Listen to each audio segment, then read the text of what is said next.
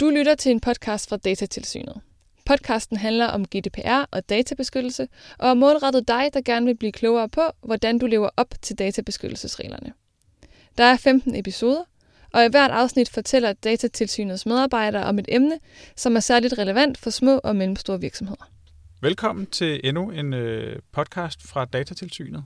Jeg hedder Anders Due og er kommunikationsansvarlig. Over for mig sidder Camilla Andersen, som er jurist.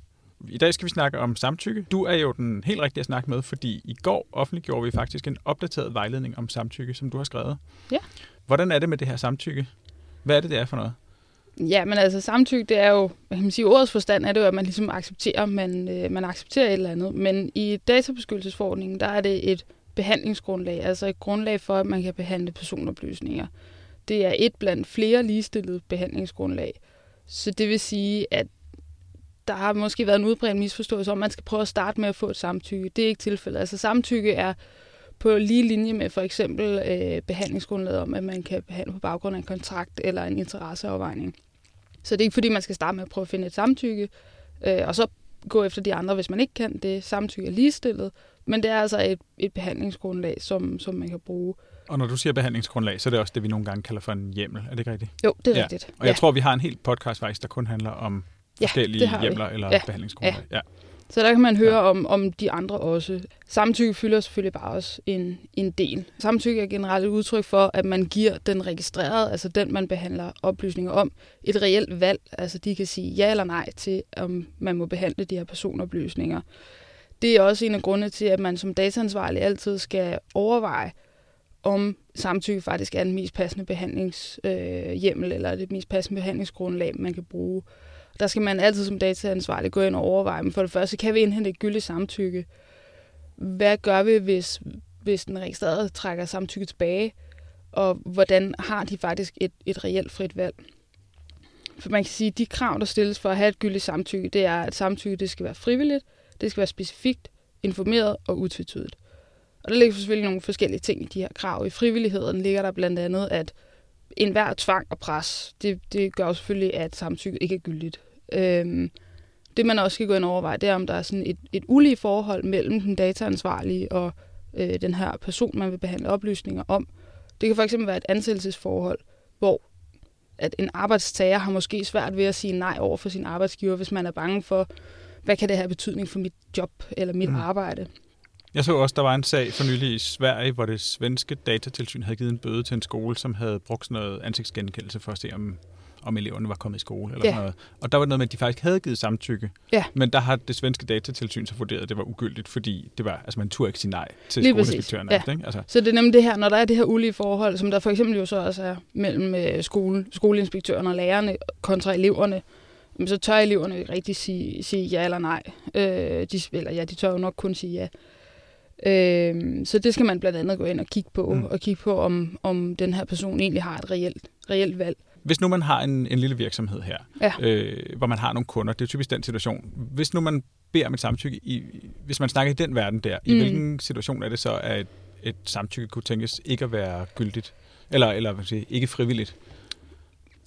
Det kan blandt andet tænkes ved, at i frivillighedskravet ligger der også, at et samtykke det skal være opdelt på formål. Det vil sige, at det skal være det, som vi kalder granuleret. Altså hvis man beder om samtykke til en række forskellige ting, øh, markedsføring, vi skal sende dig nyhedsbreve, vi skal sende dig oplysninger om et eller andet. Der kan være en masse forskellige ting.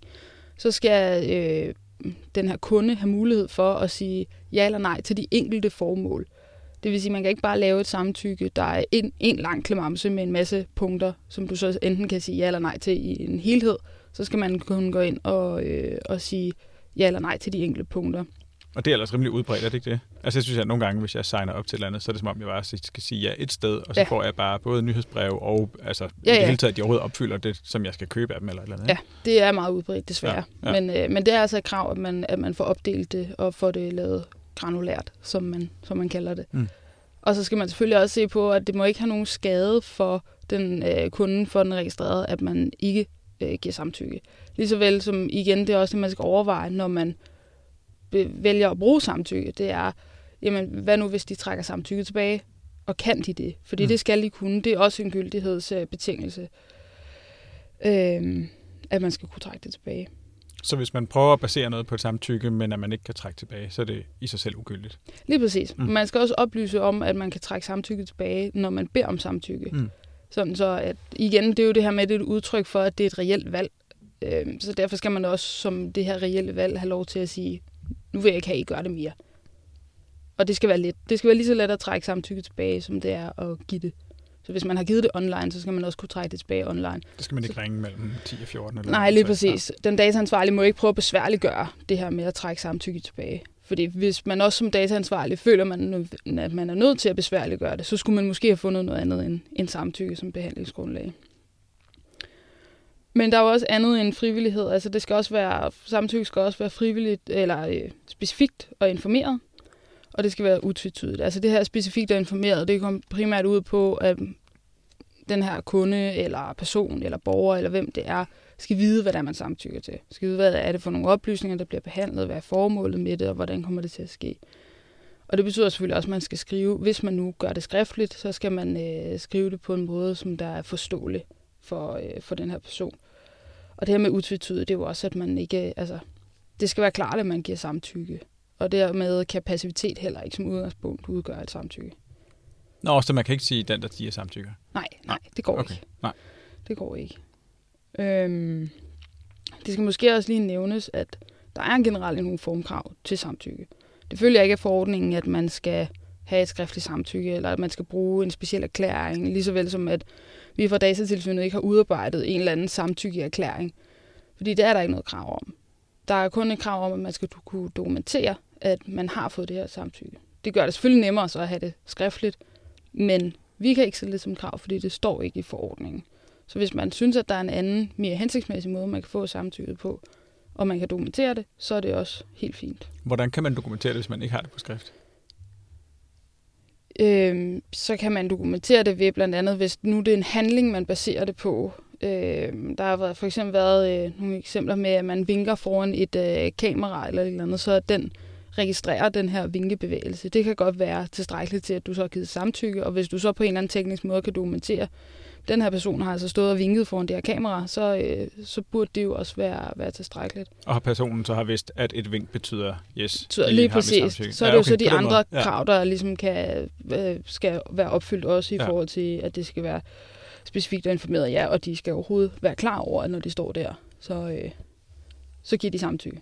Kunne man forestille sig et tilsyn, hvor vi kommer ud, og så siger man, vi vil gerne se dokumentation for, at I har samtykke til at gøre det her. Det kunne man sagtens forestille sig. Ja. Øh, vi kunne både finde på at føre tilsyn med det, altså lige netop det her, hvor at vi kommer ud, og, og man så skal, hvis man baserer en behandling på samtykke, jamen så kan vi spørge om, jamen hvordan kan I så bevise over for os, at I har de her samtykker? En anden situation, hvor at man kan få brug for det, det er, hvis at den øh, kunde eller den registrerede klager ind til os, og vi så går i gang med en, en konkret klagesag, hvor vi så vil høre virksomheden eller hvem det er om, har I fået et samtykke, og hvordan kan I dokumentere det? Fordi så kan det jo være en ord mod ord ting, at, øh, at kunden siger, at jeg har aldrig givet samtykke til det her, og så er det jo selvfølgelig så op til, til virksomheden at bevise, at jamen, det har du, fordi det gjorde du den og den dato ved at gøre det og det. Så det kan også være der, hvor at, øh, at man skal kunne dokumentere, at man har fået et samtykke. Men igen, der er ikke nogen formkrav, så øh, det er ikke fordi, vi har det, det klare svar på, hvordan du skal dokumentere det, og hvordan du skal udarbejde samtykkeerklæringer osv., fordi det vil også være afhængigt af den enkelte virksomhed, og hvad det er for en samtykke, man skal bruge, og hvad det er, man skal have samtykke til. Men i praksis vil noget på skrift typisk være det, man gør, ikke? Det vil nok være øh, at foretrække, ja. Ja. Også for en virksomhed, så man ligesom har styr på, hvordan tingene de, de fungerer. Hmm. Ja. Jeg tænker, i forhold til det her med at trække samtykke tilbage, øh, vil jeg gerne lige vende tilbage til, fordi det har måske også givet anledning til noget forvirring, men når en kunde kommer og trækker sit samtykke tilbage, så er det klart, så er udgangspunktet, at så skal man stoppe med at behandle den her kundes personoplysninger.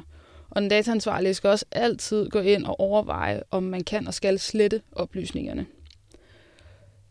Tilbagekaldelsen vil dog ikke have nogen betydning for hvad kan man sige, den behandling, man allerede har foretaget. Så det, så det bliver ikke det er ulovligt, det der er nej, sket? Nej, det er ikke fordi, at man så siger, Nå, men så må de slet ikke på noget tidspunkt have behandlet de her oplysninger, fordi man har jo haft et samtykke indtil, at det så bliver trukket tilbage.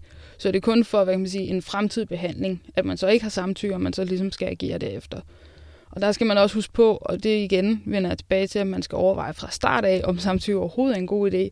Fordi man kan som udgangspunkt ikke hoppe fra samtykke til, en anden, til et andet behandlingsgrundlag, når samtykket bliver trukket tilbage. Der er enkelte tilfælde, hvor man godt kan, men som udgangspunkt, så er det ikke rigtig en, en mulighed. Men det er noget, når du siger det sådan, så går ud fra, at der er nogen, der nogle gange kommer det med, der har tænkt, at vi, vi, vi kører bare samtykke, så trækker folk tilbage, og så skynder de sig at finde en eller anden hjemmel, fordi Ja, så skal præcis. man, ja, Ja, lige præcis. og den fordi går ikke. Den går ikke, og det er derfor, man skal, man skal gennemtænke det fra start af, og særligt det her med, hvad gør vi, hvis det bliver trukket tilbage? Har det nogen betydning for, vores, øh, for hvad vi nu engang laver for vores virksomhed? Øhm, eller er det egentlig helt fint, og så stopper vi bare med at behandle de oplysninger om den kunde? Øhm, det kan der være mange tilfælde, hvor det er øh, en rigtig fin fremgangsmåde. Men for nogle virksomheder, så vil det være et stort problem, at man lige pludselig mister personoplysninger. Og ofte så vil man så også have et andet behandlingsgrundlag fra start af. Så det, man vil lige blive fanget, hvis man så går med samtykket, og så bliver det trukket tilbage, og så kommer man en tanke om, hov nej, det går slet ikke, og vi, kan, vi har jo forresten også den her kontrakt eller et eller andet, som vi jo kan behandle oplysninger på baggrund af. Så skulle man bare have valgt det fra start af. Mm. Fordi igen, det er der, man skal huske på, at det er et reelt valg, man giver til den her person, øh, når man bruger samtykke. Så det vil sige, at man giver jo også den her person en eller anden idé om, at de har en selvbestemmelse, og det skal de jo så også have. Og det betyder jo så også, hvis de trækker tilbage, jamen, så må du så stoppe med at behandle oplysningerne.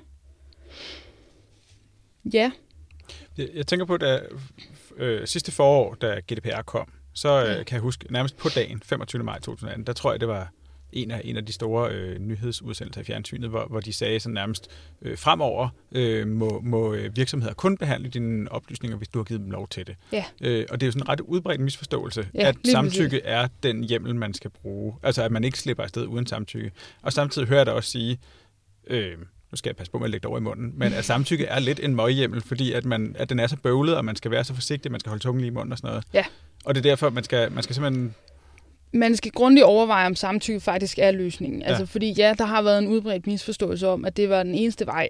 Øh, og igen også har jeg hørt mange med, at når man skal jo starte med at prøve at se, om man kan indhente et samtykke. Og det er overhovedet ikke vejen frem. Øh, i mange situationer, der er samtykke ikke nogen super god øh, super godt grundlag for behandling af oplysninger. Øh, I mange tilfælde er det også et godt grundlag, og i mange tilfælde kan man også komme ud i, at man ikke kan andet end at bede om et samtykke, fordi man ikke har andet.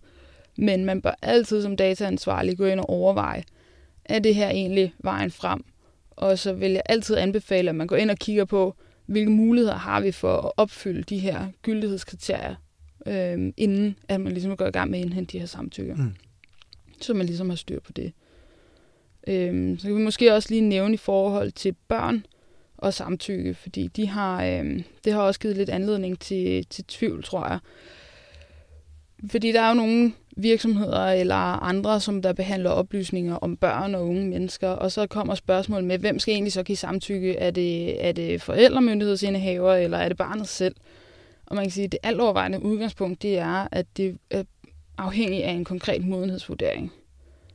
Og der er det der, hvor vi også er lidt udskilt. Men det er nu engang en konkret vurdering i, i hvert tilfælde af barnet. Man har et pejlemærke, der hedder, når barnet det er over 15 år, eller 15 år eller derover, så vil det som udgangspunkt selv kunne give samtykke på egne vegne. Hvis de er under 15 år, jamen, så vil man skulle have fat i forældremyndighedsindehaver. Men det vil altid være en konkret vurdering, fordi der kan sagtens være tilfælde, hvor at en 15-årig ikke vil kunne give det her samtykke, fordi de ikke for, har mulighed for at forstå, hvad det betyder. Og det kommer også an på, hvad er det, de samtykker til. Mm. Kontra at det kan også godt være, at en 13- eller en 14-årig kan give et samtykke, hvor man jo så ikke skal have fat i forældrene. Så det handler om, om, om barnet grundlæggende kan forstå, hvad det Lige præcis. om. Okay. Lige præcis. Jeg har en dreng på to. Er det, det er helt usandsynligt, at han vil kunne give et gyldigt samtykke. Ja, det, det, ja. det vil jeg påstå. Ja, okay. Øh, selvom der er, der er ikke nogen faste grænser, hvad det angår. Men så er der den lille krølle, det er, at der er faktisk en fast grænse, og det er i forhold til informationssamfundstjenester. For eksempel Facebook, Instagram, Snapchat. De øh, skal have samtykke fra børnene, hvis de er over 13 år. Der har vi valgt i Danmark at sætte en øh, 13-års aldersgrænse, der jo så hedder, at hvis barnet er fyldt 13, så får man samtykke fra barnet. Hvis barnet er under 13, så er det så for forældremyndighedsindehaverne. Men den her særregel den gælder altså kun for informationssamfundstjenester, så for alle andre, der er det den her konkrete modenhedsvurdering, man skal have fat i. Og der er vi udgangspunktet så være de her 15 år. Yes. Og informationssamfundstjeneste, det lyder som et juridisk ord for sociale medier. Ja, mere Ja. eller mindre. Ja. Ja. ja. Godt. Ja.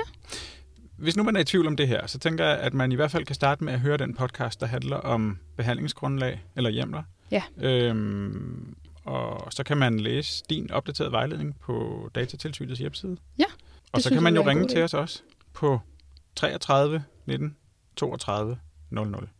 Ja. Godt. Tak.